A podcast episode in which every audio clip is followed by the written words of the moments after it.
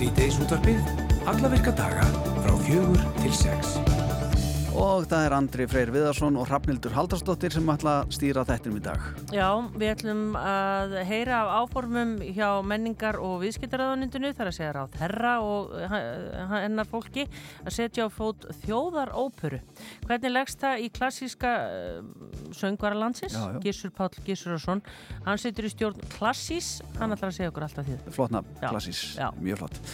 En uh, flest okkar höfum nú heyrt um Kristjaníu í Kaupmannöfn og uh, margir íslendingar hafa líka heimsótt staðin eins og margir sem að ferðast til Kaupmannhafnar en það gríðarlega vinsæl ferðamannastöður sem að þykir gaman að lítin og, og, og svona tjekka eins og hvað er í gangi þetta svona, þetta er svona eins og ákveðin tímavel uh, mörguliti en nóðum það því að uh, það hefur verið ímislegt um skot árásir í Kristjaníu og morðin hafi verið þó nokkur á undanfættum árum og allt tengist þetta náttúrulega Pusher Street eða kannabisölunni sem á sig þar stað og sem er ekki af svona, ég glæpa gengjum sem eiga kannski ekki heima í Kristjaníu og íbúar Kristjaníu eru gjössanlega búin að fá ná þessu og vilja reynilega láta loka fyrir alla kannabisölu á staðnum. uh, Olga Lilja Bjarnadóttir hún uh, bjó eitt sinn í Kristjaníu og hún kemur til okkur eftir og ætlar að meta stöðina Já, og talandi um uh, vinsæla ferðamannastæði það er lítil, ef við segja bær Já. í Östuríki sem heitir Hallstatt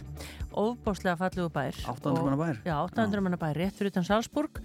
Þar eru líka íbúa, íbúa búin að fá nóg, ekki af einhverju skotáru sem öðru, heldur bara af ágangi ferðamanna. Já, og nú lokuðu þeir uh, lestarleið inn í bæin í gær og bara segðu hinga og ekki lengra. Uh, við ætlum að vita hvað þarna er á ferðinni. Rósa Kristín Baldurstóttir, hún er tónlistakonna býr í Salzburg sem er þessi borg, stórborg hann er rétt fyrir utan, eða stórborg, borg fyrir utan. Veit allt um málið og ætlar að segja okkur af þessu aftur Brjóstamur og þú sagðir, eigum að kalla það bæ? Ég kemur alltaf frá bæ sem er 700 manna bæ sko, það var þegar ég bjóð þarna sko. og þú einhvern veginn segja, eigum að kalla þetta bæ? Já, þetta eigum að kalla þetta bæ. Já, já, já, en svo ætlum við að fjalla líka um Reykjavík Line Dance Festival eins og það heitir, eh, sem er náttúrulega bara línudansháttíð hérna í Reykjavík.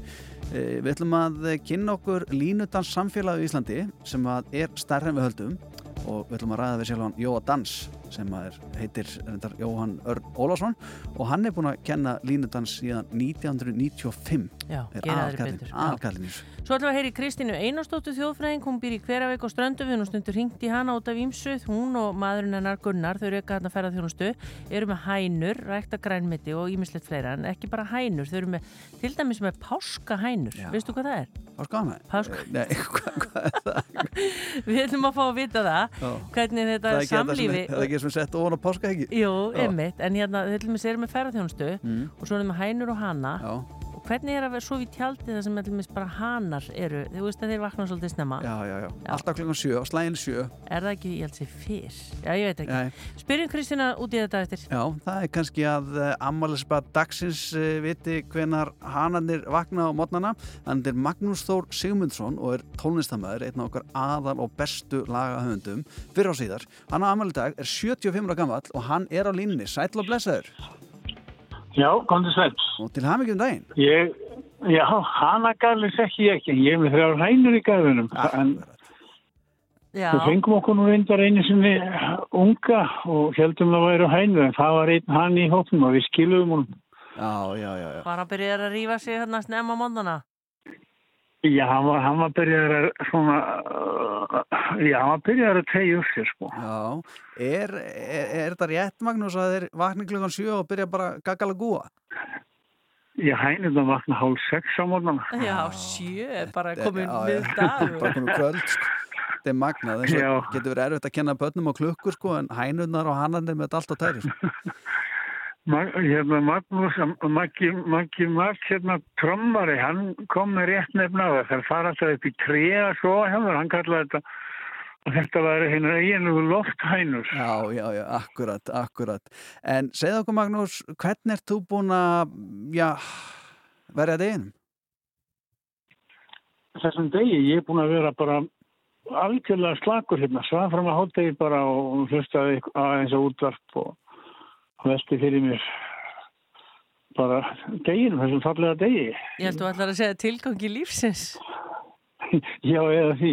Nei, ég er eiginlega hættur því, sko. Maður grýpur bara augnabrikið sem verður að þjóta hjá og maður getur hugsað um veltingin eftir á held ég. Já, og ertu búin að fá kökur og, og, og með því? Já, já, dóttur mín einn bakaði eina alveg hundgamla uppskrift og því ég var bara tvítur, mammuna kendi henni þetta og hún kom með eina svona skúfuköku mm. sem ég er solgin í á réttum stundum. Já, já. það var sannleitt. En hvað hérna, svona bara eiga ammali svona sent í ágúst bara þegar þú varst ungu maður og svona náður að halda uh, ammalisveislur eða, já, skólanum voru væntalega, já, svona við það að byrja þegar þú ættir ammali? Já, ég er ekkert með gott minni á svona, svona gamla tíma þannig laga, svona veistluhaldona en ammaliðsdagar hafa alltaf verið bara fínir sko. Já. Já, akkurat. Eh, Magnús, við ætlum bara aðeins að heyri þér og óskæðilega hafa mikið um daginn. Já, takk bara vel fyrir það. Og við vorum vandraðum sko að velja lag, að velja lag eftir þig. Það, það er nú bara eins og, ég veit ekki hvað, gerir upp á milli barnana sinna. Já, já. En við vorum samanlega um eitt lag, en já. ekki það að það sé endilega besta lagi. Nei, nei, nei, en, en gott lag sem maður mætti heyrast miklu oftar og uh, það kemur ljós sko að það er hérna réttu eftir. Takk fyrir þetta Magnús og njóttu dagsins. Já, takk fyrir kjærlega. Já, bless, bless. Gána heyri í ykkur.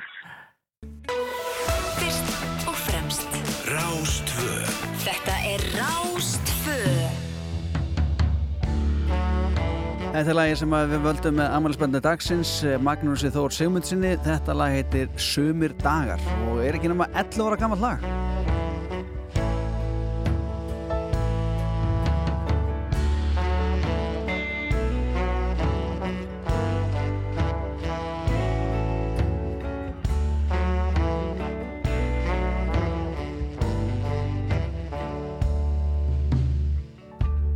Dagar þeir svona Snúnir þungir og erfiðir. Það er sopnað léttur að kveldi Vaknar af mótni og allt er í steik. En í rauninni gerðist ekkert nýtt nema bara Já ég meina það. Sumir dagar Þeir eru bara svona.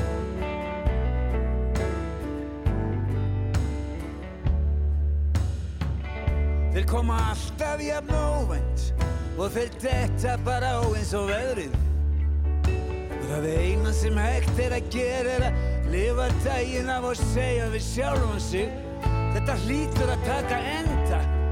Já ég meina sumir dagar, sumir dagar, þeir eru bara svona.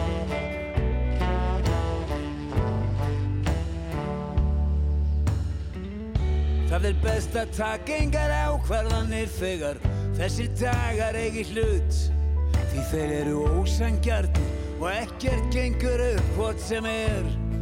Það eina sem hægt er að gera er að býða þá af sér. Já ég meina það.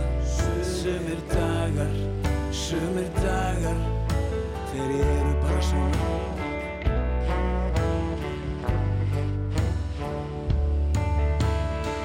Þeir koma stundum frýr í röð Hvað er ég gert til að eiga þá skilu? En ég er fann að þekkja þá. Þeir byrja gráir og enda kólsvartir Það er algjör tíma eðsla að berjast við þá. Já ég meina Sumir dagar, sumir dagar Þeir eru bara svona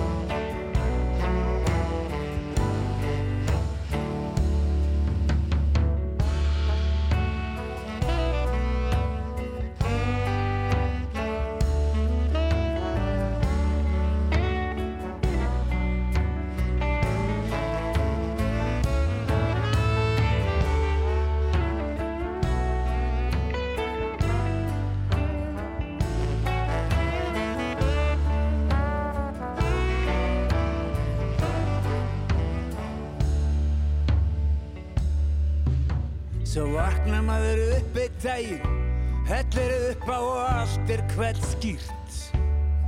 Það er ekki ský á lofti og allt eins og það á að vera. Og þá er nú eins gott að njóta dagsins það gengur hvortið er allt upp. Sumir dagar, sumir dagar, þeir eru bara svona. Sumir dagar, sumir dagar, þeir eru bara svona. Sumir dagar, sumir dagar, þeir eru bara svona. Sumir dagar, sumir dagar.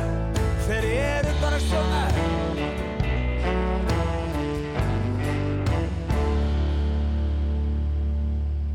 Þetta er lagið Sumir dagar með Magnús og Jóhanni og þetta er þetta lögum Magnús og Þór Simundssonar sem er ammaliðspart dagsins eins og sögum frá hann.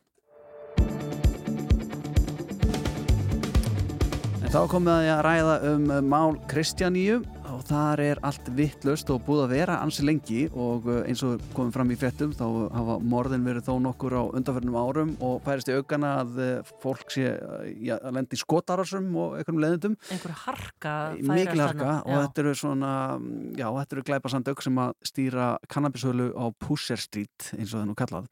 Og Olga Lilja Bjarnadóttir, hún er mættilökar og hún er fyrverdi íbúi í bjó í Kristjaníu og var að segja okkur frá því hérna á hann að Já, þú vilt kannski segja okkur hva, hvernig þú, að þið hafnir spurðið svona hvort að leigan væri ódýr og þá... Já, bara okkur þú hefði valið að búa þar. Já, ég sem sagt var að deyta strák sem að bjó í Kristaníu. Þannig að ég var búin að fara í einhver partí og einhver heimsóknir. Svo fór það samband bara eins og það fór og e, ég var búin að kynnast manni í einni heimsókninni sem að hafði verið að vinna hjá DR við að taka upp klassiska tónlist en var komin á eftirlaun. Og við náðum strax bara mjög vel saman bara töluðum mikið um tónlist og listur og menningu. Og einhvern veginn byrjaði ég að bara fara næstum daglega í heimsókn til þessa manns. Og urðum mjög góði vinnir, heldum upp á ammalið okkar saman þar sem var bara íslenskir vini mínir úr Kaupmannhafn og Íbúr Kristjaníu og ég munur aldrei halda ég haf gott ammali en hann sem sagt býður mér að búa í íbúð svona sinns þegar ég misti íbúðana sem ég bjóði fyrir bara á Amar í, í Kaupanöf og ég segi við hann að ég eigi ekki mikinn penning til að borga leigu að því ég var í starfsnámi á hverjum styrk frá Erasmus og þá býður hann mér að búa þarna gegn því að ég syngi fyrir sig. Og ég, uh, hann held mikið á svona bóðum og partíum og ég söng ítalskar óperuarjur og íslensk stægulög og stundum uh, var hann að má, hann málaði mikið og þá söngi fyrir hann á meðan hann málaði. Wow. Það er ástæðan fyrir því að þú ákast að búa þarna. Já. Já. Þetta er magna og, og sko þegar menn mála mynd það getur tekið alveg marga klukkutíma. Já. Það stóð það bara... Nei, ég bara svona, ég mætti og fekk te, söng eitthvað og svo spjöldluði við og svo kannski kom ég aftur eftir tvo daga og hann málaði meira og ég mhm. söng. Miklu betra heldur en einhver geysladiskur eitthvað já, já, já, og syngja. En lístu bara hvernig var að búa þarna? Það var uh, mjög spes en mjög skemmtilegt. Þetta er náttúrulega mjög mikið svona förðulegu fólki svona litríkir karakterar sem búa þarna. En samt er svona allt öðruvísi fólk en allt annað fólk sem ég þekki utan Kristjaníu bara svona hvernig það horfur á lífið, hvernig það er hvernig það lifi lífinu. Um, hlutir skipta yngu máli, skiptir yngu hvort þú eigir eitthvað smart Georg Jensen blómavassa eða sért í nýjustu dísel galaböksunum bara svona hvort það sér góð manneskja og hvernig þú ert í dag skiptir ekki máli hvernig þú varst einu sinni eða hvað þú gerðir sem svona gera verkum að þegar maður var í bóðum eða partjum er þetta rosalega ólíkt fólk þetta eru alveg uh, læknar, einhverju fyrirverandi fíklar leikarar, grafískir hönnur bara allt mögulegt og aldur skiptir engum máli mm -hmm. það skiptir engum máli hvort að sumir séu 17 ára og sumir áttaraðir mm -hmm. það eru allir saman Einmitt. Er það rétt að maður þarf að vera samþyktur íbúi innan Kristjáni þú þarf að fá eitthvað svona samþykki til að búa þarna Já, það eru haldnir einhverju fundir og að þurfa, með minnir 80% að segja já að meir búa hana mm -hmm. wow. En ég menna, hvað eru þá fólk almennt ekki, eða við hvað starfar fólk hann? Eru þá eldri kynslu að venda að hætta að vinna eða? Já, og svo eru einhver, það eru hérna það eru læknir inn í Kristjaníu og svo er mikið að lista fólki og einhverju sem vinna bara fyrir utan og bara kjósa að búa þarna. Já. Já. Já.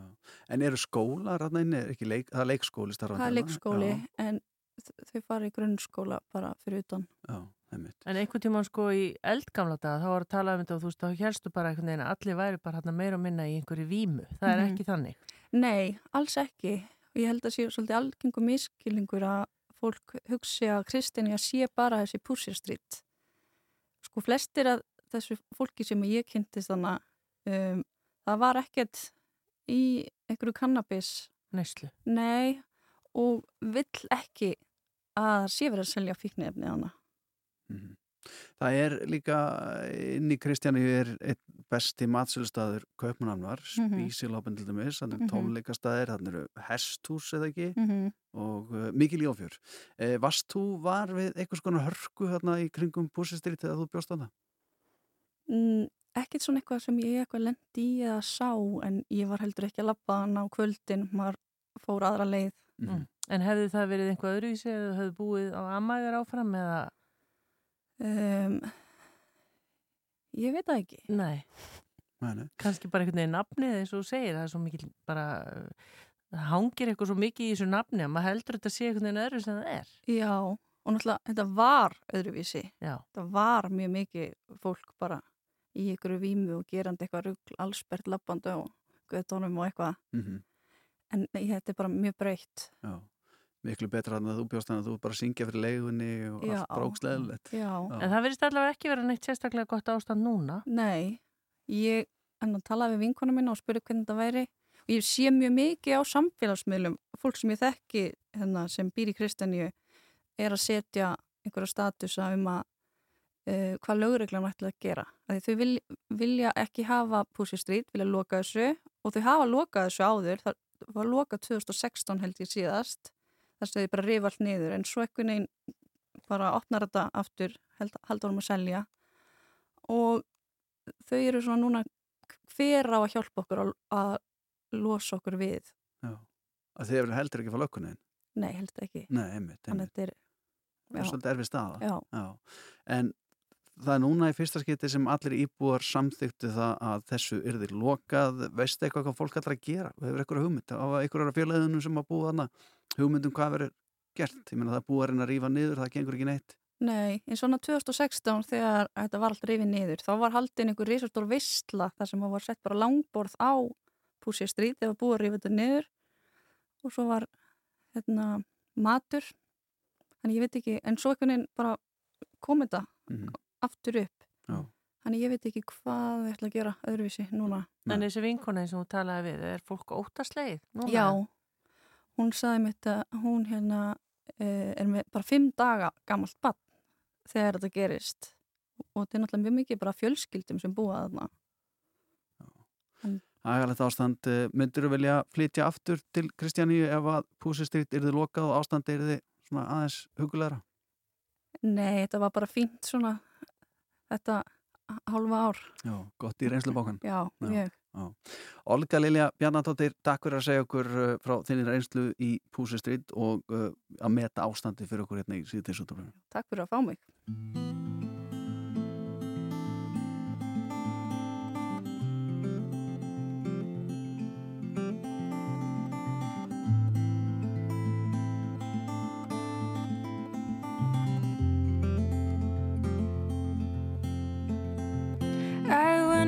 And cried after my show last night. I've never felt so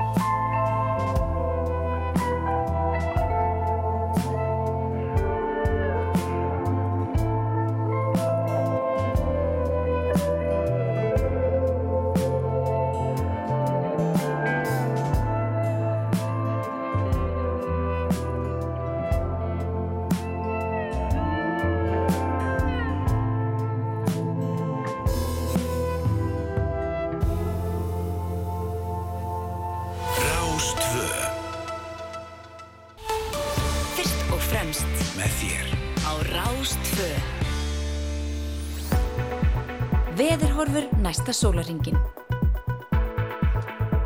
Já, ég er amdur eh, eins og svo ofta á mánundögum þá breiði ég mér inn í eh, Abotök og það var nú ekki frá sem færði nema hvað að ég sá að það var ennþá sko hellingur til að sólaverð í mörgum hillum í Abotökinu og ég hugsaði með mér ok, nú er gott viður í vendum en eh, Rafnildur er með staðarindunar er það svo? Já, ég gæti verið með þér en hugsaði til dæmis yngöfustjóran í apotekinu að panta sólarverð. Þetta er eins og, þú veist, hann veit ekkert hvað það er byggið. Þetta er lott og svo rennur þetta út, sko. Já, já það rennur út. Já. Nú, en það er búið að vera, við getum ekki hvart, það ringdi náttúrulega hérna á Suðvesturhóttinu, sko, kvílikrigning á lögadaginn. Fórst út í Podlegala? Nei. Nei. Aðeins. Aðeins, já, en, en búið að vera frábært og bara fínt yfir í dag. E, það er, já það er náttúrulega bara hlýta á öllu landinu. Það er, hérna, horfurnar eru svona norðan og norðvestan 3-10 metra á sekundu, það verður kvassast á söðvesturlandi, rigning söðaustalands og skúrir fyrir norðan og annars verður bjart með köplum og þurft að kalla. Og svo er 9-16 steg að hitti og það verður hlýjast síðst já. og svo er hægviðri að mestu bjart á morgun og dálta skúrir á Suðausturlandi. Hiti 8 til 15 stygg hlýjast Suðastalands og svo eru bara næstu dagar en svo eitthvað að draga til tíðand á förstu dag já það er haustlægð eitthvað já, að tala, ég... það er svo langt okkur til. Já, já. Já, ég hef með nokkra staðarindir hérna mm -hmm. þessari dagsendingu, hvað hefur gæst á þessum degi hérna í Íslandi og þannig gaman að segja frá því árið 1818 það var landsbókarsamt Íslands sem var stopnað undir heitinu Íslands stift, stiftis bókarsamt eh, flottnar eh, og 1915 það var fyrsta bílslisi sem leiti til döðsfalls hér á Íslandi og það minnir fólk á að spenna beltinn og eitt af amalspöndum dagsins er Hjálmar Hjálmarsson leikari sem við tekjum vel og starfa hann hérna á Rástfjö á sín tíma. Og svo náttúrulega erum við búin að tala við all amalspöndið, Magnús Þór Sigmundsson sjálfan. Mm -hmm. e, á þessum degi árið 1971 þá var Róaskild átíðin aldinn í fyrsta skipti. Og meira átíðaldum tónlistateimdum hérna á Íslandi það var 1982 þá var það Melarokk punktónleikar haldir í Reykjavík og 86 á þessum degi útastöðum Bilgjan og útsendingu í fyrsta, eh, svona fyrst stöða eh, af þessum engareknum þegar að ja, eh, það var leifilegt mm -hmm. Þreymur árum á eftir ástöð Akkurat og við óskum bræður okkur og, og söstrum og Bilgjunu til hafmyggjum í daginn. Og árið 2002 það var það Bögsmálið þegar húsleitin var að gera nýðustöðum bögs gleymið því aldrei. Nei, því gleymið við nú seint. Þetta er svona staðarindin að fara mér í dag. Já. Verðið það að því. Pakkaði fyrir áttum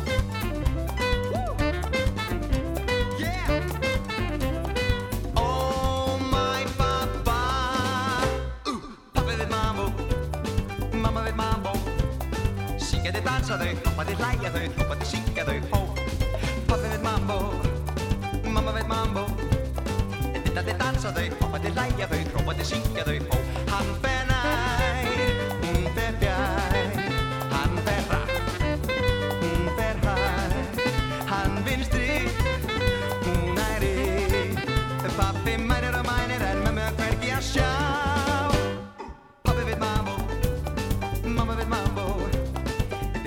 dansa þau, hoppandi hlæja þau, trópandi syngja þau Ó, pappi veit mambo.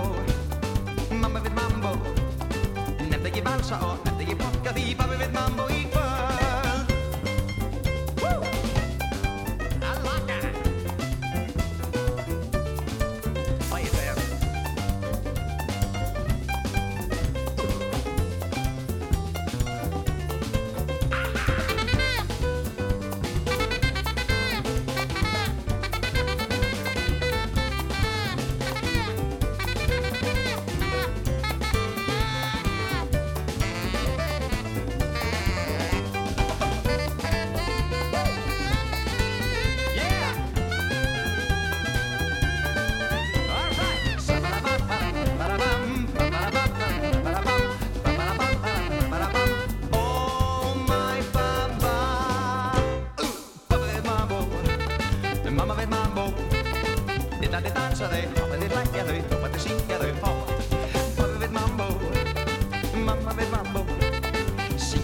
Nú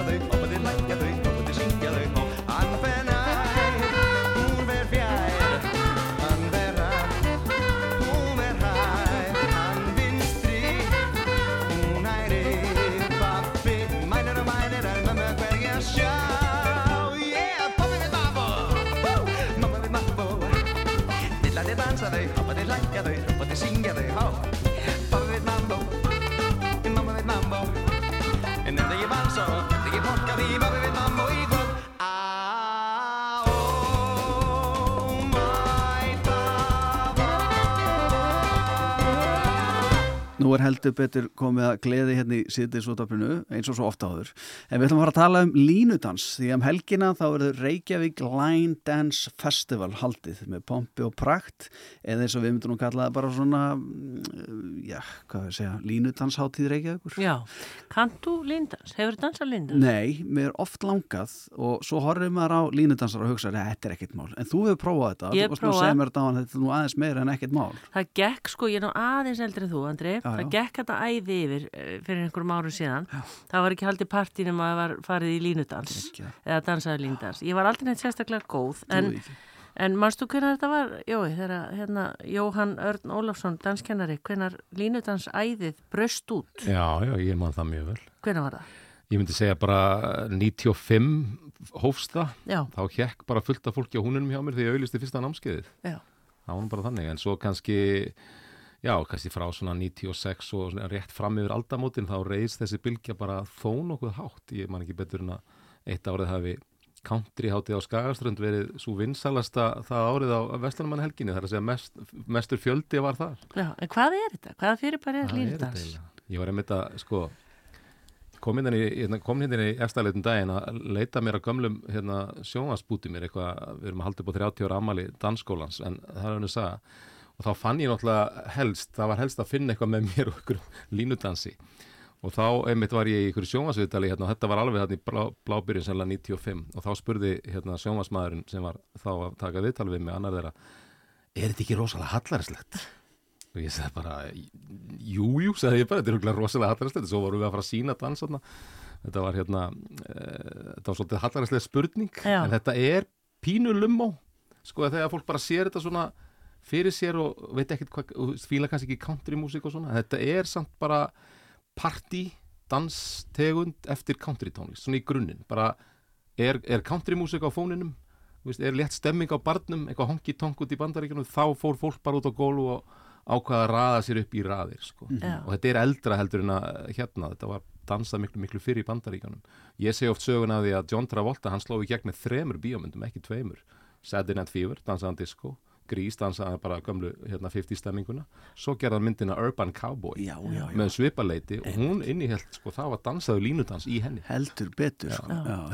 hvað eru margir að yfka þennan línudans hérna á Íslandi í dag? Ég veit ekki, þeir eru bara mjög margir því að eins og, eins og þú segir Ramdur, þetta er tekið upp bara í partjum hér og þar, fólk kann eitt og eitt dans það er alveg nóg til þess að bara geta kallaða það en, en ég hef haldið námskið í þessu bara alla vetur og ofta á sömurinn líka, bara alveg síðan hérna 1995, ekki mistur vetur og og hverjum vetur eru kannski að jafna eða að koma, eða í hverju viku til mín er að kannski koma svona 70-80 manns mm. í ykkur 2-3 holum oh. og svo er mismunandi hvað er vinsalt, núna eins og í fyrra og þá var bara mjög vinsalt hjá fólki að koma á byrjandanámskiðin en það er þessi kjarni sko, sem er búin að vera. Sömur hafa ekki stoppað síðan 95 Nei, voru, voru þarna húninum og bara eru ennþá. Já, og þetta er bara hópur sem er hjá þér og svo náttúrulega hópar já, út um all land. já, akkurat, svo eru hópar út um all land og, og hérna, kollegi minn Óli Geir, hann kennir líka línundans og við með fullt af fólki kringu sig. Þetta er mjög vinsalt í félagsstarfi eldri borgara.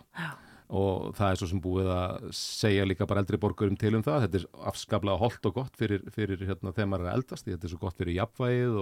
og þú þarfst aðeins að splitta heilanum í tvent og hugsa meðan þú ert að hreyfa þig og, og einhver, einhver rannsókn frá bandaríkunum síndi fram á það að, að fyrir hérna fyrir eitthvað sjúkdóm í mann og ekki bara hvort það var Parkinsons eða Alzheimer eins og þeir eru ólíkir þá eru þeir skelvilegir og þá hérna þá var tango og línudan sérstaklega tekið út fyrir svega. Það ætti að stunda það. Mér minnum það að vera fyrir hérna gegn heilabilur En eru mörg spór sko að, þú veist nú ég kann mjög lítið en ég menna maður hugsa sko þetta er alveg með að sé svona hópin dansa. Mm. menna er þetta þú veist er þetta getur alltaf verið að bæta já, við og... Já þetta er náttúrulega bara eins og músík það eru x margar nótur á hverju liklaborði og, og allt það en það er að það semja virist vera endalust af melodíum og þetta er svolítið svona svipa því að við semjum í rauninni yfirleitt semum að línu dans við ákveði lag og þannig að í ákveðinu lagi þá er ákveðin rútín að dansu svo bara aftur og aftur og aftur í takt við lagið.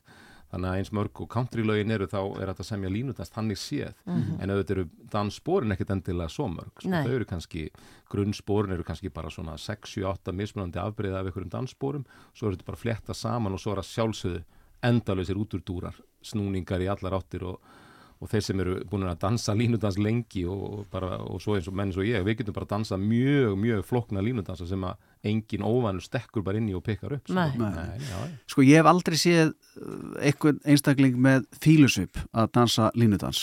Bara, ég hef ekki séð það, ég held að það sé ekki til. En þú ert búin að vera sko, að kenna þetta síðan 95. Eh, hvernig er í á þér þegar svona hópinu komin inn og þú ert að fara sko, í einhverja rútinu sko, í þúsundasta skipti? Verður aldrei svona Nei, það er svo skrítið. Ég er búin að löngu, löngu ákveða sko þegar svo tilfinning hérna hellist yfir mig þá hætti ég þessu bara sko. Þannig að Já. þetta er bara þannig hvernig maður feð bara inn í þetta. Ég, ég, ég er líkið svo stundum við það hvernig ef þú spyrir músikant sem á, sem á kannski fullt fullt á lögum en einhverja átt að hittar og hann þarf alltaf að taka þess að hittara er þetta ekki lögult að taka alltaf sama lægi og þeir segja yfirleitt ekki nei. Þeir kannski ekkert myndi ekkert endilega óska sér að taka það. Ég var alveg til í að vera alltaf að prófa eitthvað nýtt í dansi og svona. En þetta snýst bara ekkert um það. Þetta snýst bara um að, að það er svo gaman að hitta fólk sína því hvernig þetta virkar og fá það síðan til þess að láta þetta virka í kroppnum á sér. Já. og þetta er svona, eftir sem maður eldist og verður reyndar í þessu, þá verður þetta bara svona skemmtilegri kunst að einhvern veginn að hvernig get ég fengið þennan trehest þarna til þess að fara að hreyfa sér mjúkla, hvernig get ég fengið þennan sem verðist vera með þrjá vinstrifætu til þess að hætta miskilja þetta og fara að gera þetta rétt og svona, það verður áskorunin mín og þá þarf ég að hafa dansa sem ég er búin að gera aftur og aftur og aftur, og aftur því þá veit ég nákvæmlega hvar ég þarf að, í hvaða hérna, tög ég þarf að pota hjá viðkomandi til þess að leira þetta. En þessi sem eru með þrjá vinsturvætur uh, sem eru að hlusta á langar aðeins að gera sér aðeins hæfar á danskólinu, mm, mm, þá eru þið núna að opna fyrir skráningar það ekki á, á línudansnámskeiðum? Þetta er svona ak akkurat ástíminn þar sem að hérna, skráningar eru að hafnar og línudansnámskeiðin fara að rúla á stað, þeir rúla á stað í hinni vikunni minni mig og, hérna, og, og, og ég segi alltaf við fólk sem ætlar að koma í línundans að því að við erum með svona framhaldstíma og við kvöldum það að opna tíma og þeir sem eru vanið geta svona droppað inn þess vegna en ekkert endilega verið fastir á námskeiðinu Uh, en þeir sem alltaf byrja og, og, og kunni ekki neitt, þeir eiga absolutt að fara á byrjenda námski og læri þetta frá grunni því að það er svo erfitt að hoppa bara inn í eitthvað svona, Já. að þetta snýst á alla kanta og er svolítið öfustnúi Og er þetta einu sinni viku eða? Já, ég vil þetta einu sinni viku, en reyndar námskiði sem ég ætla að starta núna í, í haust, það verður tvísari viku, það verður tekið með trukki, sjö Já. skipti á, á, á hérna, þreymur og halvri viku.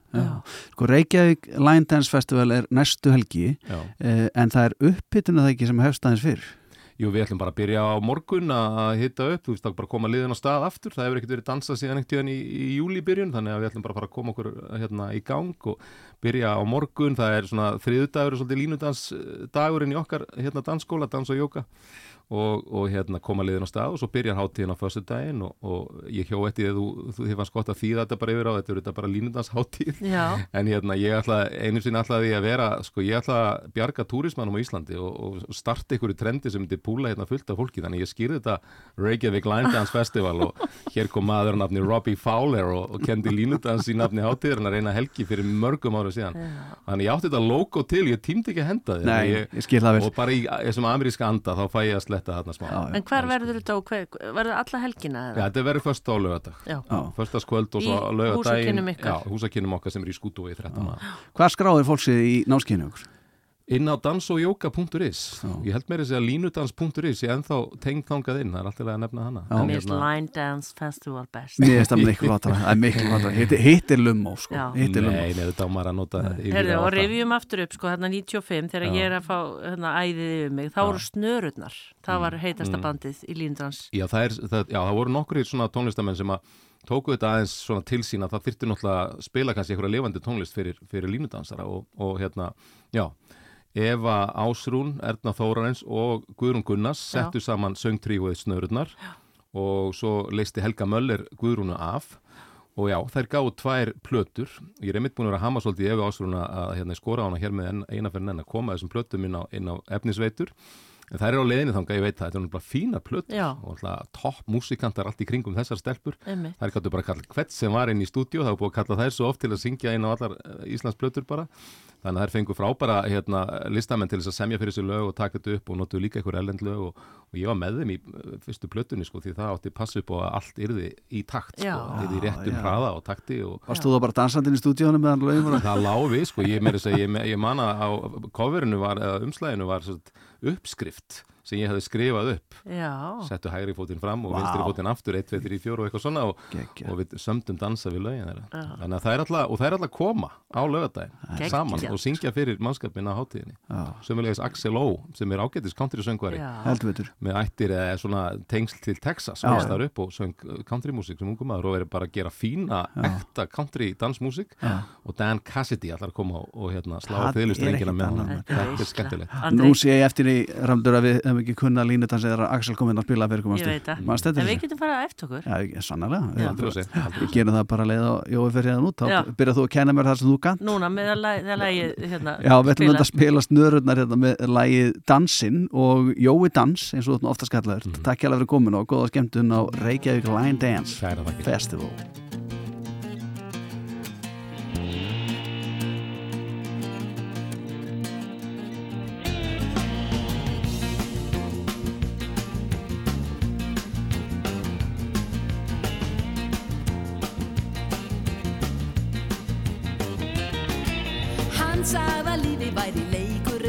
hægt að líta það björnum haugum Það er auðvelt að segja en hvernig fer ég að því?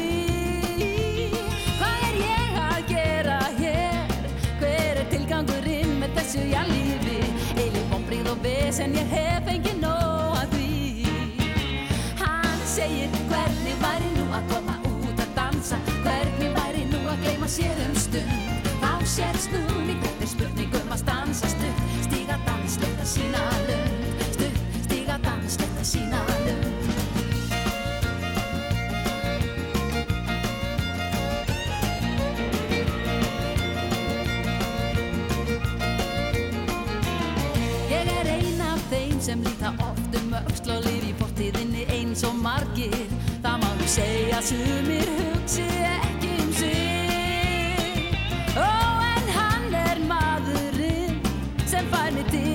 dansa og skjölda mér. Ég stýð eitt dans þá er lífið leikur eigin. Hann segir hvernig væri nú að koma út að dansa? Hvernig væri nú að gleima sér um stund? Fá sér snúning, þetta er spurningum að dansa stund Stíga dans, leta sína lund Stund, stíga dans, leta sína lund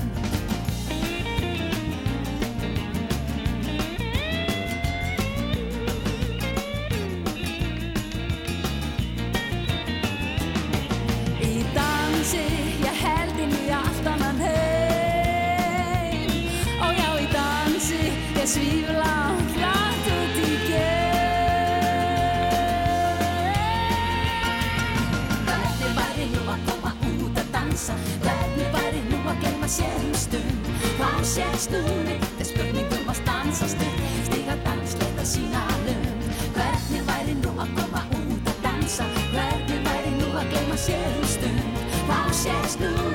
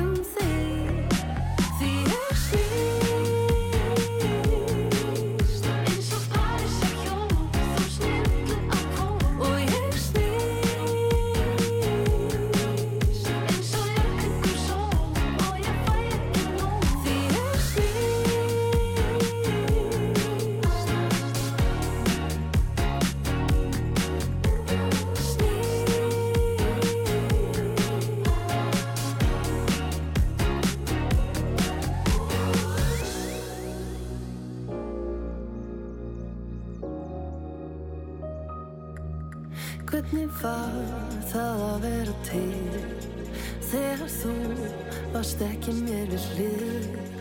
Því heimurinn Hann sýstir ringi kringum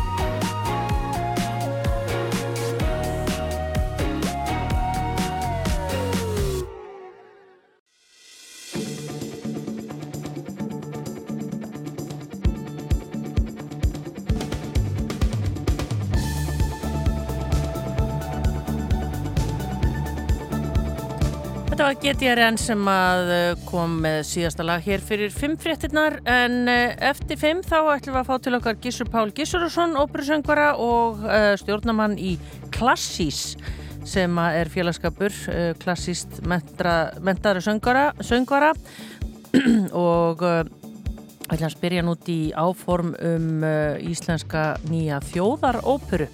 Hvaða þýðingu það munu hafa og hvað fólki svona í hans Uh, hópi finnst um það og við ætlum líka að ringja í konu sem býr í Salzburg í Östuríki þetta er Rósa Kristín Baldurstóttir við ætlum að spyrja hana út í Hallstatt sem er lítill lítill bær rétt fyrir utan Salzburg þar sem að íbúar hafa einhvern veginn um, já, þau hafa, eru byrjuð að mótmæla uh, yfirgengilegum ferðamanna ágangi uh, til þessar, þessar litla bæjar Og svo ætlum við að ringja vestur á strandir og heyra í konu sem heitir Kristín Einarstóttir og er þjóðfræðingur, reykur þar ferðarþjónustu, er með alls konar hænur og já, ekki bara vennilar hænur, fáum að vita allt það hér eftir smástund. Hleypum að tilkynningum og fréttum.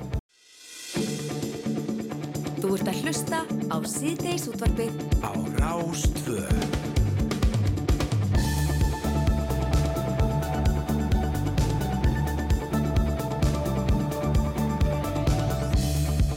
Líkt á framöfu komið þá hegst menningar og viðskiptaraðanitið setja á fót þjóðaróperu og þar að leiðandi hætta að stiðja við íslenska óperuna með þeim hætti sem gertir í dag. Og hvað þýðir það að setja á laginnar þjóðaróperu? Uh, Gissur Pál Gissurarsson, hann er formadur Klassís sem er félag klassísk metara söngvara og hann er hinga kominn og eigum kannski að hérna, byrja á því Gissur að spyrja þig hvernig svona leggjast þessi áform í þig og þitt fólk? E, góðan deg, takk góðan fyrir. Deg. Ég ætla að byrja að fá að leira þetta. Ég er staðgengil formans. Nú, staðgengil, já. Já, já, já. En það er nú bara allt saman gott og vel. Já. Um, sko, uh, já, þetta leggst bara virkilega, virkilega vel í okkur og við erum bara mjög bjart sín og, og svona, já, uh, glöð með það starf sem hefur verið unnið í ráðunitinu og bara í hópavinnu og þetta er bara, já, þetta er, þetta er á, á fullir ferð. Já, en hvað, hvað þýðir það? Akkur hérna, setja á laginnar þjóðaróperu og leggja niður íslensku óperuna? Getur þú útskýrt það fyrir okkur? E, já, í stuttu löngumáli þá er það þannig að íslenska óperan er sjálfsegnastofnun. Uh, hún var stofnið þannig af, af, af hérna já, stopnindur, Garðar, Kortes, Ólu Kolbrún og, og margir fleiri sem ég hérna, bara hef ekki eins og mann ekki eins og þetta er stór hópur og, og, og því líti grettistak var stopnað sem sjálfsegnastofnun og það var nú kannski fyrst og fremst bara heflet form þá og líka vegna þess að þau fengu veglega gjöf sem sagt peningagjöf sem að fóru upp í þá uh, að kaupa gamla bíó og koma svolítið stað síðan líða árin og þegar að þau stopna Íslensku óperuna þá er í raun og veru alltaf þessi sko í, í, í framtíðinni hugmynd að e, óperan fari á fjárlög líkt og þjóðlikús og sinfonían og, og, og stopnarnir í sama kalibri, dansflokkurinn sem þýðir það að þá er í raun og veru uh, starfsumhverfi stopnunarinnar og þá fagsins tryggt Þannig að hérna það, í, það sem er að gerast í dag er uh, í raun og veru mjög lógist framhald af uh, nokkrum þáttum sem sé að uh, nú erum við náttúrulega í allt öruvísi lagaumhverfi heldur um vorum fyrir 40 árum og fjárútlátt til einstaklinga, eða sett, fyrirtækja stopnan eða einstaklinga lúta allt öðrum reglum í dag heldur þau gerðu. Þannig að í dag er í raun og veru íll svona réttlætanlegt eða bara já, löglega rétt að sagt, veita fér til einna stopnuna því að nú er náttúrulega komin minni hérna óperukompani sem hafa verið að gera alls konar hluti þó þessi ekki sambarilegt en, en sagt, þannig að jafnræðið jafnræðisreglan segir til um að það verður bara að það verður að bjóða þetta fér út ef að þá að fara þá leið. Já og þá er sem sagt sko 2019 er sett af stað sem sagt eða, eða sem sagt kláruð ný sviðslista stefna hjá hérna ný sviðslista lög. Og í vinnu í þeim lögum var ákveð að bæta óperunni inn og stíga þetta skref að byrja það ferli að færa fjárútlötin úr sem sagt sjálfsegnarstofnunni og stopna þá uh, nýtt apparat sem að gengur undir vinnuheitinu þjóðarópera því að þjóðarópera er ekki endanlegt nafn. Og ég, við höfum náttúrulega rætt þetta uh, í okkar félagi Klassís sem er þá félag klassískra söngvara. Og uh, það eru þetta mjög margjur ég þar á meðal sem myndur mjög gjarnar vilja sjá uh, nafn íslensku óperunar áfram. Já, þitt hljómar eitthvað svona svolítið Já, ég ætla ekki að nefna það. Ferkantað, segjum það bara. Já, við getum tekið ímslegt til, en það er, það, þannig að þetta hefur náttúrulega líka bara til, tilfinningarlegt, eh, hefur tilfinningarlegt gildi fyrir okkur og, og, og væntalega fleiri. Þannig og líka bara til að heiðra, þú veist, eh, stopnendur og þá sem lögðu sko blóðsvita og tári að þetta, eh, þetta færi á laginnar og, og þetta náttúrulega var algjörlega brjálað og á tímabili þá voru óperusýningar sko fjölsóttustu síningar bara á landinu trekk í trekk sko. Þannig að þetta var, þetta var alveg svakalega hérna, flott og stórt áttak og ég meina Ísland er söngþjóð, ég meina ég hugsa sér hverki hérna, per höfðatölu jafn margir sem eru í kór eða jafn margir sem hafi yfir höfuð sko tekið söngtíma. Ég, ég bara, við erum, við erum söngþjóð. Við erum það ennþá held ég, eða trúi ég. Já En Gísur, erum við, sko, þú, við erum söngþjóð, Já. en erum við samt, eh, hérna, höfum við bólmang til þess að bara eiga okkar einn óperu? Já, ég myndi, sko, þetta er bara, þetta er góð spurning, en, en það er bara absolutt já, að því að, sko, ég meina, höfum við bólmang til að eiga okkar eigið fótbóltalið í öllum kynjum og, og handbólta, körubóltalið, kalla hvenna, Um, já, við höfum það og mér finnst oft gaman að taka dæmum það á, á sko, hérna í kringum fyrir stríð þá byggðu sveitafjölög sem átti ekki bót fyrir borun á sér hverja sundlaun á fætur annari. Það var engin peningur í þetta, þetta var bara gert. Um, Anna dæmi er að, að Ísland var gjaldróða hérna á einhverjum tímpunkti eftir aldamót og hvað gerðum við? Við byggðum uh, hörpu sem hefur sannlega einhvern veginn bara sínt sig að, að var algjört pláss fyrir og í raun og verið þörf fyrir.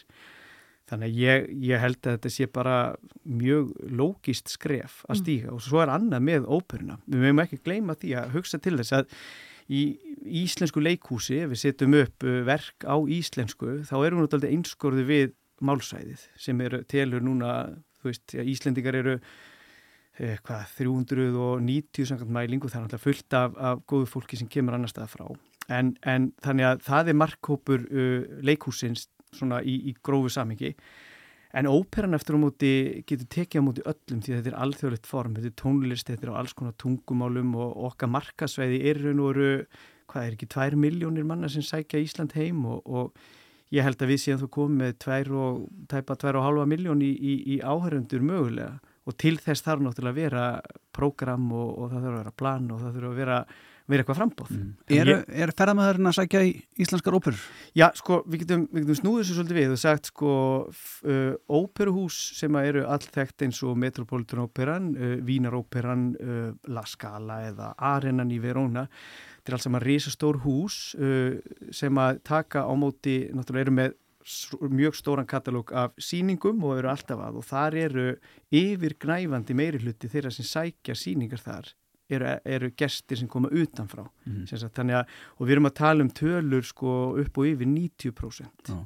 og, og þannig að hérna ég held að sko veist, auðvildasværi væri já, þú veist, þú veist fólk er að koma, en, en það sem þarf að gera til þess að þetta sé hægt að það þarf að vera frambóð. Já. Það hefur verið mjög lítið og það er ímsu eh, um að kenna þar við getum sett um að kenna. Það er náttúrulega bæði er, eru fjárframlögin til Íslensku óperunar ekki mjög há en svo er það líka kannski svona viljin og drifið til þess að gera fleira en bara eina glæsilega síningu á ári. Mm -hmm. það, væri, veist, það er alveg vettangu fyrir margt, margt, margt fleira. Sko. Heldur að, að með þjóðaróperinu þá verða síningarnar fleiri jáfnvel? Já, það er náttúrulega bara í núna er verið að leggja grunninn og það er, það er stanslös fundarhöld og vinna í, í ráðunitinu. Um, sem ég man aldrei, sko, hvað, veist, það er búið að breyta ráðunlítið, þetta er ekki bara menningamál þetta er menninga og viðskipta ráðunlítið það er, er ráðunlítið sem sér um þetta, skulle við segja. Já, já, akkurat, sko. Þar er gríðarlega mikið starfigangi og, og það eru mikið að fundum og óbúslega mikið að góðum og skemmtilegum höfundum og í raun og veru er komin svona einhver, einhver svona, ég veit, við getum kallað þetta smá klísja, klísjuhufjörun upp, upphafs sviðsmynd og í henni er raun og veru bara tekið fram hvað sko hvað er lagt upp með svona að lámarki og það er tölverst meira enda e, er því vantarlega meira fjármagn. Þannig að þetta er ekki komið á það stiga þessi komið í, í einhvern fastan, fastan farfi hvaða fjármagn og það er að finna leiðir og, til, að, til að leysa eða að finna fleti á öllu þannig að, þannig að sko, ég syns ég, það, það er strax í svona, e, já, grunnhugmyndinni þá er komið miklu, miklu breyðara svona uh, breyðari palletta af, af verkefnum og, og síningum meira, meira frambóð. Og bara svona rétt í lókin, ég minna, hvað eru við þá að tala um? Hvað myndu þá kannski margir söngvarar starfa við þjóðaróperunni svona kvöldu núna? Ég minna, hvað getur við séð? Einmitt, sko. Uh, eins og leikúsin þá er, er, er svona gengið út frá stöðugildum og eitt til dæmis er að uh, í núverandi svona uh, sviðsmynd þá leikur fyrir að það verði uh, stopnaður atvinnukór sem hefur ekki verið síðan að þjóðlíkuskórin var og hétt og það eitt og sér er bara stórsigur að, að það verið stofnaður atvinnukór. Uh, þar eh, ég er ekki með sko tölunara algjörlega á hreinu en, en þar er allavega þar eru þó nokkur stöðugildi. Síðan snýst þetta um stöðugildin sem óperan hefur eins og leikúsin hafa úr á móða og þá eru þau já, ég myndi skjóta á að þau eru þau svona einhverstað á milli 8 og 12 allavega stöðugildin og það er þá bara í fyrsta skipti sem að, að þeim eru auðvitað sko oft uh, deilt nýður, þetta er ekki kannski heilsásráðning eða svo leiðis, þeim er deilt nýður á verkefni og, og, og svo framvegis. Þannig að það, það skapar einhver síður samfellu og miklu miklu stærri vettvang fyrir alla söngvara að, að hafa aðganga að því Erstu bjart sín, Gísur? Ég er mjög bjart sín. Ég veit náttúrulega, þú veist, það er náttúrulega rosa hræðild að heyra, það eru verðbólka og sælabanka stjóri alveg á stýrifasta fyllir í og, og svona eh, skemmtilegt að heyra það að fólk er að tala um að þetta er nú, þetta er nú ansi hart núna.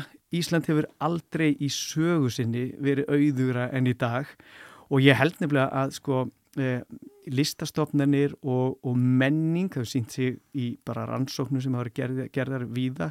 Eh, mér er skaman að vitna í OECD, taka, þau taka saman ansi, ansi mikið upplýsingum að sko lönd sem sína hvað mesta velsælt, eh, þar sem fólk er hamingjusamast og þar sem nýsköpun er hvað upplöfust, þar er eh, mikið lagt í listir og menningu og listir og menninga mjög víður flokkur. Ég myndi segja að listum og menningum rúmast íþróttir sem við höfum synt að miklum sóma við höfum í gegnum tíðin að sýnt til dæmis tónlistanámi og þá verðum við líka að hafa vettvang til að vinna. Vá, þetta er spennandi. Ég er mjög bjart sín. Já, við ætlum að fylgjast vel með hér í sítiðs útarpinu hvort að verði ekki öruglega því að þjóðaróperan verði stofnuð og hvað mun hún nú heita, Já, Íslensk óperan eða eitthvað annað.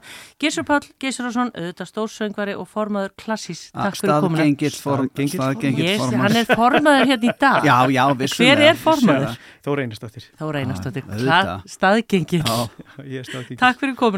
Staðgengill. Takk fyrir komuna. Takk.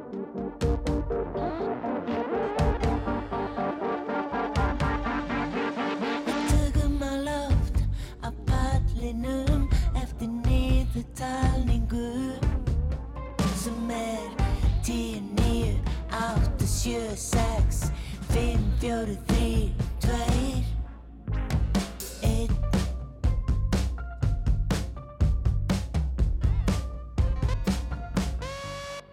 Þetta tekur smá á en við skrúum okkur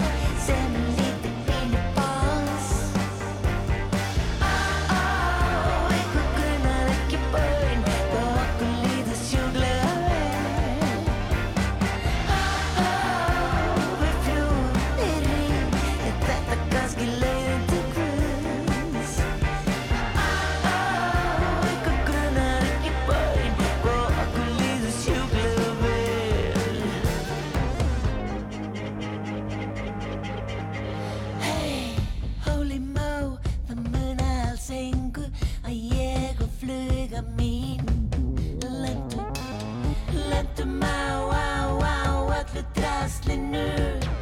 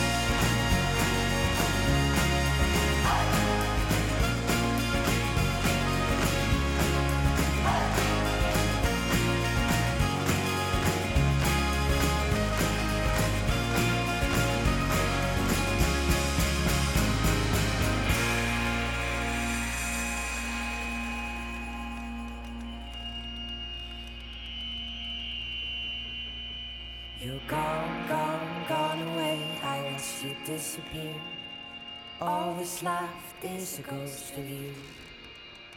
Now we're torn, torn, torn apart. There's nothing we can do. Just let me go, we'll meet again soon. Now wait, wait, wait for me. Please hang around.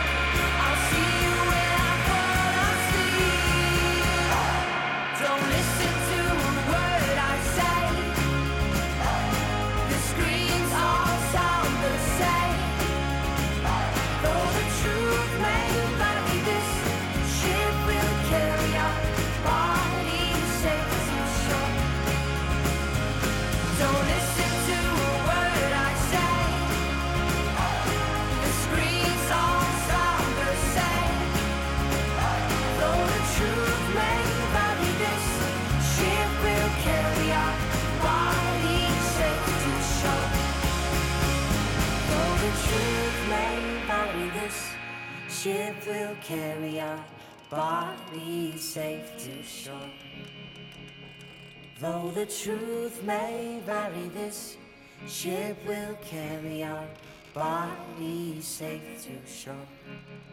Umræðan um aðgangsstýringu af vinsalum ferðamannastöðum hefur verið hávar á Íslandi undanfæri misseri og sitt sínist hverjum í þeim efnum en það er allavega ljóst að við verum að hugsa eitthvað um þessa hluti því að ja.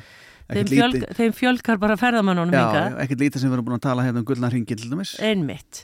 Og uh, það eru nú margir íslendingar sem þekkja hérna austurísku borgina Salzburg sem er gríðarlega vinsæl ferðamannaborg og það er náttúrulega fætist Mozart og þar var kvikmyndin Sound of Music tekin upp og þar eru margt um en rétt fyrir utan Salzburg er bær sem að heitir Hallstatt og hann er uh, mjög fallegur og er á heimsminjaskrá og Þángað koma mjög margir ferðamenn og nú sáum við í fréttum að íbúar í þessum bæ, Hallstatt, eru búin að fá nóg og fóru í gær og mótmæltu uh, umferðum jarðgöng sem er aðal umferðaæðin inn í bæin og við erum aldrei forvitin um þetta mál og erum komin í sambandi konu sem að býr í Salzburg, alla jafna, heitir Rósa Kristín Baldurstóttir og er tónlistarkona. Kontur sæl og blessur, Rósa? Sæl og blessur. Segðu okkur aðeins af þessum bæ, Hallstatt. Já, Hallstatt er, er sko, er, er daldill draumastadur, hann hérna, eh, það, þetta er hérna, þetta er, það er svona ævindarlega stemning í þessum litla bæ sem að það sem búa aðeins, ég held að séu svona 800 manns, það er allavega undir 1000 manns sem búa þar að staðaldri. Þetta er pínu lítil bæ, bara, bara þorp í raun og veru og hérna er mjög fallet og á sér langa sögu og er mjög áhugaverði staður og hérna hefur yfir sér svona ákveðna dölúð líka og, og, og, og svona einstakar náttúrufegur en, en hérna hann hefur semst langa sögu og hérna mæst að sjá og dásamlega að koma þarna náttúrulega. Já, en er það svona þín tilfinning af því þú nú búið þarna um, um nokkur skeið í Salzburg og ferði væntalega oft þarna að, að nú sé komið nóg eða hvað að ferðamannum? Já, ég á ágæta, ágæta vingunu Sabine sem að hérna er, er vel tengdinn í þennan bæ og hérna hún er við svona sagt með stundum að hérna sko þau, þau eru að fá á góðum, á góðum degi, á, á, á fallegum sumadegi eru, eru, er þetta reikna með tíðusum manns í heimsókn inn í þennan pínirikla bæ eða fólk og, og, og ferðamenninir sko þau flesti koma bara með rútum og, og rútarnar leggja á, á einhverju planið þarna fyrir utan bæin og svo, svo er þeim smalað inn í, inn í þorpið og, og hafa kannski klukkutíma eða tvo tíma til að lappa þarna um og, og mjög vinsalt greinlega að, að láta taka sér myndir þarna á ákveðinu stað og bæjarstjórin tók sér til og let, let byggja þarna mikinn trívegg þannig að það, það á ekki vera lengur hægt að hérna að, að taka selfie eða, eða, eða láta taka sér mynd hérna með með vatnið og fjöllin í bakgrunn. Og hérna þar reyndar sko það, það tókst ekki þessi, þessi áætlun hans þannig að þeir urða að taka, taka trefekki nýður en, en hérna fólk er að koma þarna mikið bara bara til að fara í gegn og, og, og heiða sér svolítið eins og, eins og þau séu inn á einhverju svona árbæjarsafni Þetta er hvað ég meina. Þau, fólk kemur og, og, og fólki sem býr í bænum er að fá sér morgumat og, og þá eru kannski hérna tíu asjumenn eða amerikanar eða hvað ég segja á, á hérna glukkanum en þess að fólki finnst, finnst að hafa leiður bara til að vera eh, sko innum allt og út um allt og hérna ef það brúðköp í bænum og þá, þá er venjan svo að, að brúðurinn og brúðguminn þau þau ganga, ganga í gegnum þorpið með fram vatninu og hérna og upp að kirkjunni óskaplega færli kirkjaðana sem upp á hæð. Og, og hérna og þá er náttúrulega, þá eru bara, bara ferðalangarnir allir, allir mættir á staðinu og, og það var eitthvað sem spurði, oh is this a show? þannig að, að hérna það er, það er eins og þetta sé bara svona eitthvað, eitthvað opið opið samt og hérna Bæjabor bara á svona ornir að skona síningagripum Síningagripir og svona einhverju svona, svona statistar í, í, í leikripi Já. Og, og, hérna, og það versta er, það sem mér skilst á, á fólki að, að, að ferðamennir, sem við þekkjum nú kannski líka mjög vel heima á Íslandi, að fólk er ekki að skilja neitt eftir. það er engi peningar, það fæ sér valla kaffi og hérna eða fer ekki að borða eða, eða kaupi minnjagripi þá, þá er það bara eitthvað svona mjög lítið. Er einnig einn ágættis kona sem að hérna, snjöll, snjöll hérna snjölli viðskiptum, hún hérna opnaði leigu á, á, á, á svona þjóðbúningum en, en eins og við kannski viti þá eru þjóðbúningar mjög, mjög mikilvægir í Östuríki og, og, og hvert hérað á, á sin eigin búning.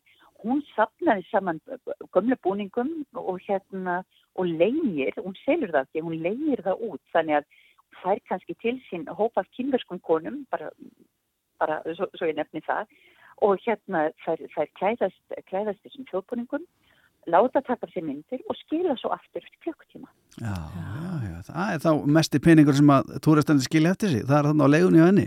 Það er nákvæmlega, þetta er, þetta er helsti hafnaðurinn og hérna, og það er allir ólega, ólega ergilegir og, og hérna þreyttir ornir, ornir á þessu. Hérna, Þannig að það er alveg skiljanlegt að fólk sé að bregðast þarna við.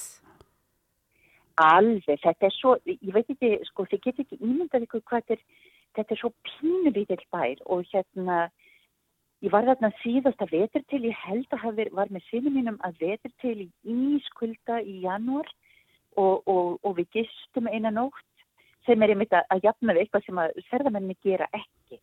Þetta eru bara svona dags, dagsferðamenn sem koma, koma í, í stutta heimsók. Og, og hérna og þá, þá sér maður hvað er sko það er, þetta er svo pínulítið staður og það er alveg með ólíkindum það skulle vera þetta tróða svona mörgu fólki þarna inn, það er, þetta, það er ekki, ekki skemmtilegt er og, og hérna ríkis, ríkisjónvarpi var að segja frá því mitt mjög mikið að hérna að nú eru allir, allir brjálaðir af því að hérna, heimamenn þeir kvarta yfir sko, skilningsleisi ráðamanna í vín en það það kom hérna, kom mjög, mjög mikil gaggrinnið frá, frá ráðnýttstjóra í hérna Vínaborg að þeir hefði ekki notað, hefði ekki unni heimavinnuna sína í, í Hallstad mm -hmm. og hefðu átt að nota COVID-tíman til þess að, að, að gera eitthvað svona, eitthvað ráðstafanir til þess að sportna, sportna við þessu. Já, þetta hljómar svolítið eins og að já, ef, ef 800 manns myndi búa bara við geysi og það er náttúrulega að tala um uh, mikinn svona tróðning, það er búið að tróða svolítið niður svona við helstu náttúruperlur okkar Íslands, Íslandinga, en hvernig er það þarna? Er, er allt niður tróðið? Sko, það er, það er, það er eiginlega bara hægt að ganga þarna á, á, á mjóum stígum, þetta er ekki einu sinni, sko, þetta er ekki einu sinni eins og, og lögavegurinn eða eitthvað svo leiðist. Hérna í Reykjavík heldur er þetta bara svona mjóir, mjóir stíga sem líkir gegnum bæin. Þannig að, að hérna, það er kannski ekki endilega eins og náttúrann sjálf, það er ekki mikið hægt að vera að, að tróða á grasi til dæmis. Mm. Eða, eða þannig. Ég held að, að mesta tröflunin sem að, að íbúa upplifa er, er einmitt svo að er þetta fólk sem að tekur ekki tillit til eins og eins og, og heiða sér eins og það séu aðalegendur í, í, í einhverju Disney-mynd. Já. Rósa, það verður áhugavert að fylgjast með þessu, við fáum kannski heyriðir setna, það verður áhugavert að sjá hvaða já, viðbröð þessi mótmæli íbúana hafa fengið og, og hérna við ætlum að fá að fylgjast með. En takk kærlega fyrir að gefa okkur smá inn, insinn inn í það uh, í þennan bæ, Hallstatt og takk fyrir spjalli Rósa Kristín Baldurstóttir, tónlistakona sem talar frá Salzburg í Östuríki. Já, kæra takkir, verði bless. Þetta er magnað og uh, það er bara synda að þessi stríðsyfirlýsing hjá bæjarstjárnum hafi ekki dugað til. Já. Trefeg bara. Og svo eru við að tala um þetta hérna núna þannig að allir sem eru að hlusta og eru á leiðin hérna út eru væntalega að drífa sig hérna. Já, já, þetta er bara svona dagabjækitt sem myndir setja svona trefeg fyrir Hallgrímskirkju og skólaugustík þannig að enginn myndir sjá. Það væri geggja sko.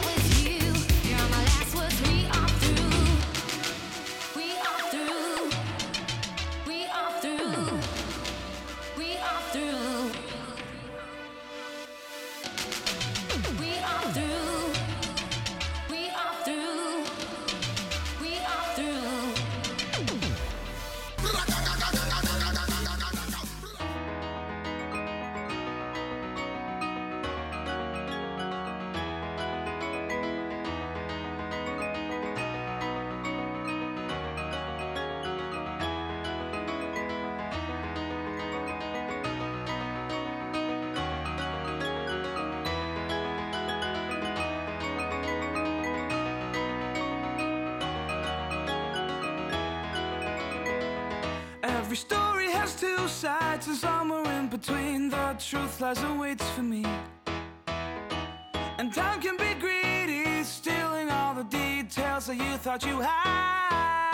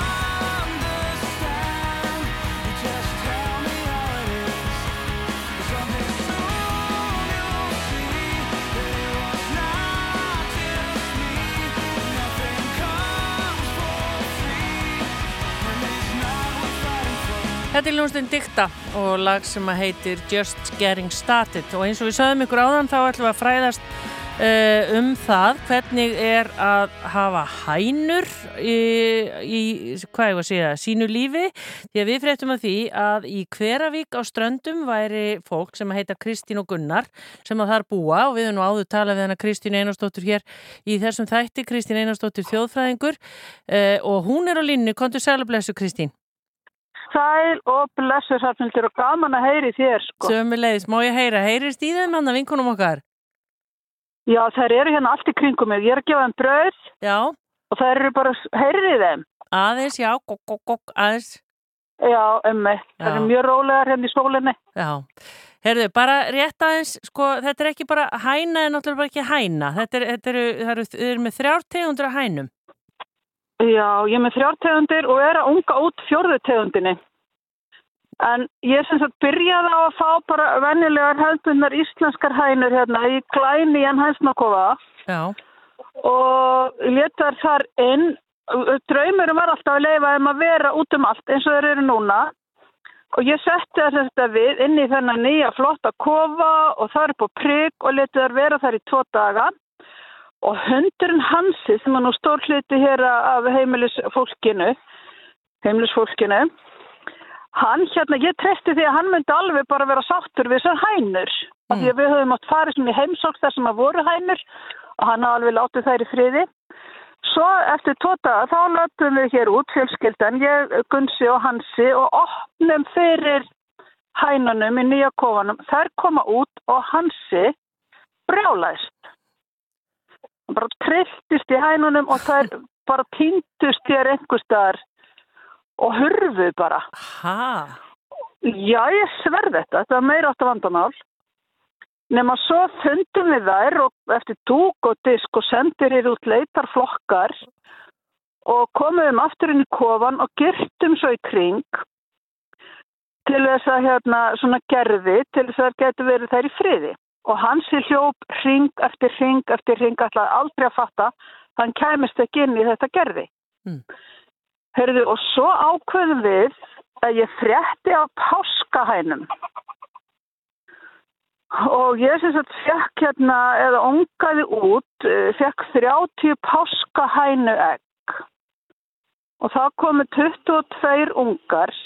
Og það er nú svo merkilegt að maður getur ekki ráðið því hvaða hvað hérna, hvort kynið það er, það komið 14 hanar og 8 hænur. og þetta var allt hérna inn í kofa og í þessu gerði og fyrst náttúrulega bara ungarnir í litlum kassa og svo fara þeir út í kofan og hérna, svo verða þeir, skal ég segja þér, svona kynþroska þessir hanar. 14 stykki? 14 stykki og 8 hænur. Ég, það var ástand hérna. Ég fyrir að hlæða. þetta, þetta, veistu það, þetta var kannski fyndið sko núna en þetta var ekki fyndið þá. Ég horfði á hænugreiðin flýja undan hönunum hérna út í öll skot oh. og hanaður og eftir þeim og réðust á þær og sko einn þeirra var til dæmis þyðurlaus á bakinu Úf, ég var að bjarga henni gróðurús og þar var hún bara í endurhæfingu. Oh, og veistu það að hún greið þegar hún var orðin sko bara þeirrið aftur þá fer ég með hann út í kofa og þá réðist hinnar hænurnar á hana. Oh. fallin, fallin hæna skilur þau á ekki uppreist bara uppreistnar von. Og ég þurfti að koma henni bara í fóstur í dölunum Ég minn góður, en hvað ekki, já, já, ekki en þegar þú varst búin að stýja þá í sundur og svona, ekki gekk þá samlífið áfram vel, eða hvernig var það? Nei, ég, veistu það, ég sagði við hann hana, ef þið hættu upp ekki þá dref ég ykkur.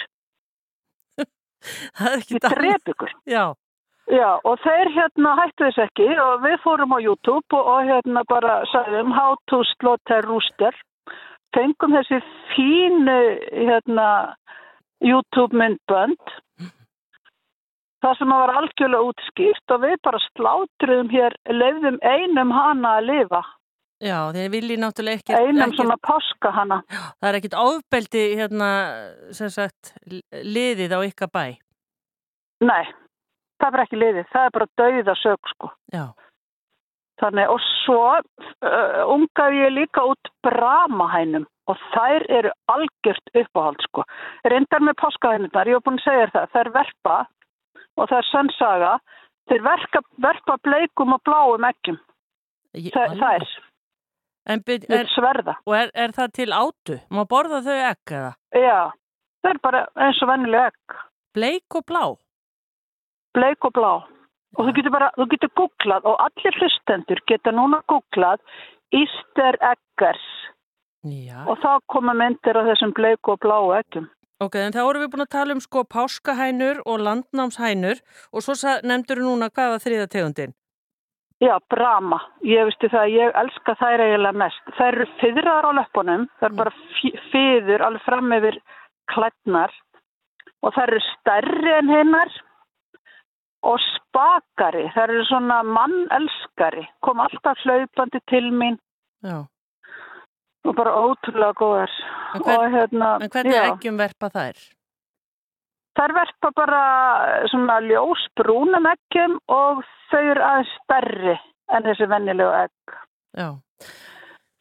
Ég var svo heppin, Kristína. Já, segðu. Sko ég með núna í útungunavílinni, þetta er náttúrulega ekki alveg í lægi. Ég með 30 egg í útungunavílinni núna. Og það eru fleiri páskahænu egg, nei fleiri hérna bramahænu egg, að því mér langar í fleiri svo les.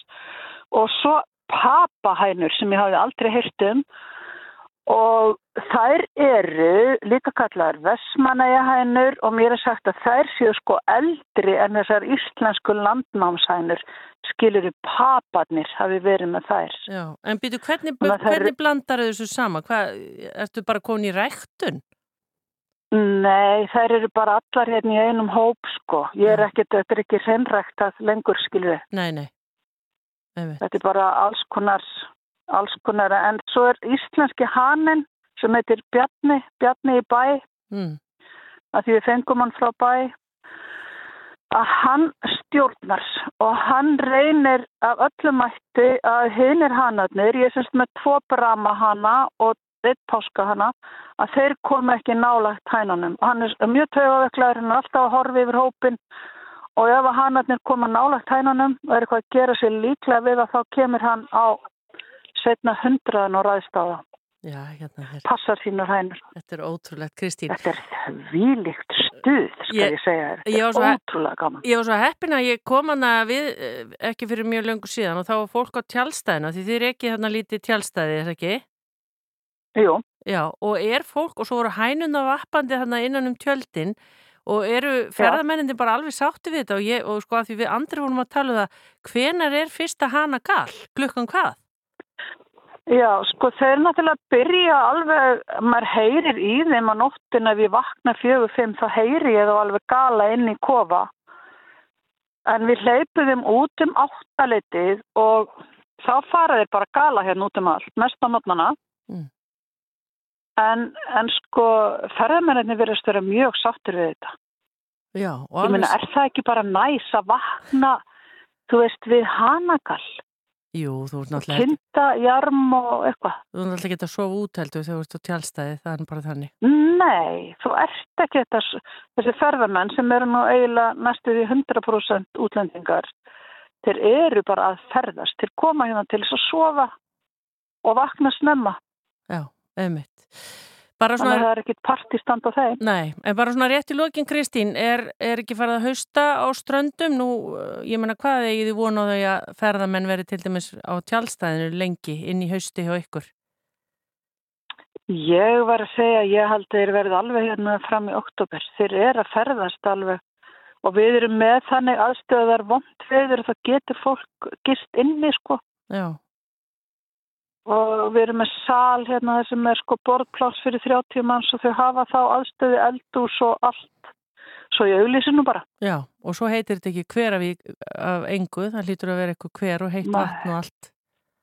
Það er sko fyllt af heiti vatni og það er stór heiti pottur fyrir tjálstæðis gesti. Já. og bara mikill lúksus myndi ég segja. Já og núna þá, hér í þessum töluðu orðum og þá, núna hér í þessum töluðu orðum þá stráir hér inn tjálstæðisgestum, skal ég segja þér. Já, það er náttúrulega hænundar sem við erum búin að vera að tala um, það trilltist allt. Það eru, hæ, það eru hænundar í fyrsta legi. Já. Það er nú bara það. Það er nú bara það. Heyrðu, bestu kveðu Kristín, þetta var, þetta var svona örfræðsla um hænur og, Já, og samlíf hænu bara- og hana. Já. Ég vona við höfum ekki nexla neitt á þessu tali, Kristín, heldur það nokkuð? Ég vona ekki. Þá verður bara að setja bípumerki á eitthvað. Já. Af þessu sko. Þanga til Ha. næst, við höfum eftir að heyri þér aftur Kristín Einarsdóttir í Hveravík og Ströndum. Takk kærlega fyrir spjallið, byrjum að helsa öllum, bæði hænum og hönum og gestum. Já, takk sem að leiðir. Já, bless, bless. Bless.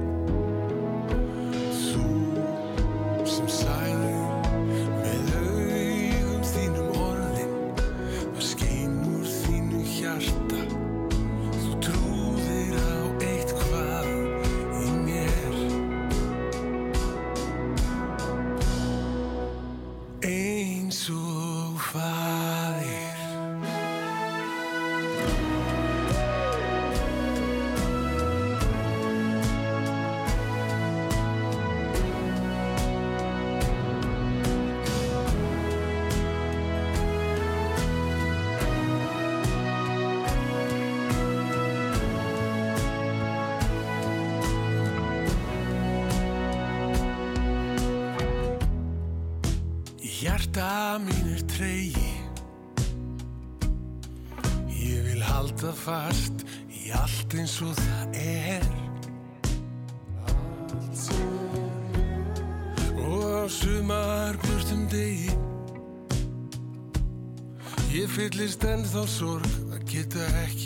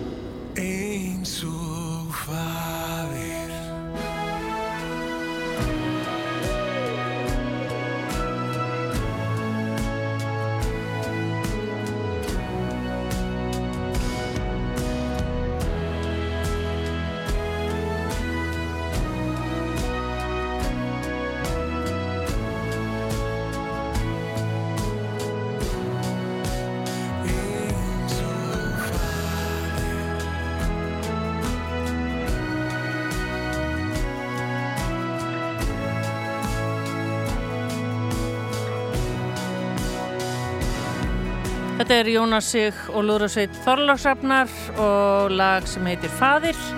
Klukkan er svona, já hún er að nálgast 6, komu auðvitað tilkynningar og frettir og speill og allt saman, allt það program sem þið kunnuð utan að og svo auðvitað dagskrára ásar 2 í allt kvöld en ég ætla að enda þetta á honum Birki Blæ. Takk fyrir að hlusta á sýtiðsúttarp í dag, verðum aftur með ykkur hér á morgun. Þánga til, verið sæl.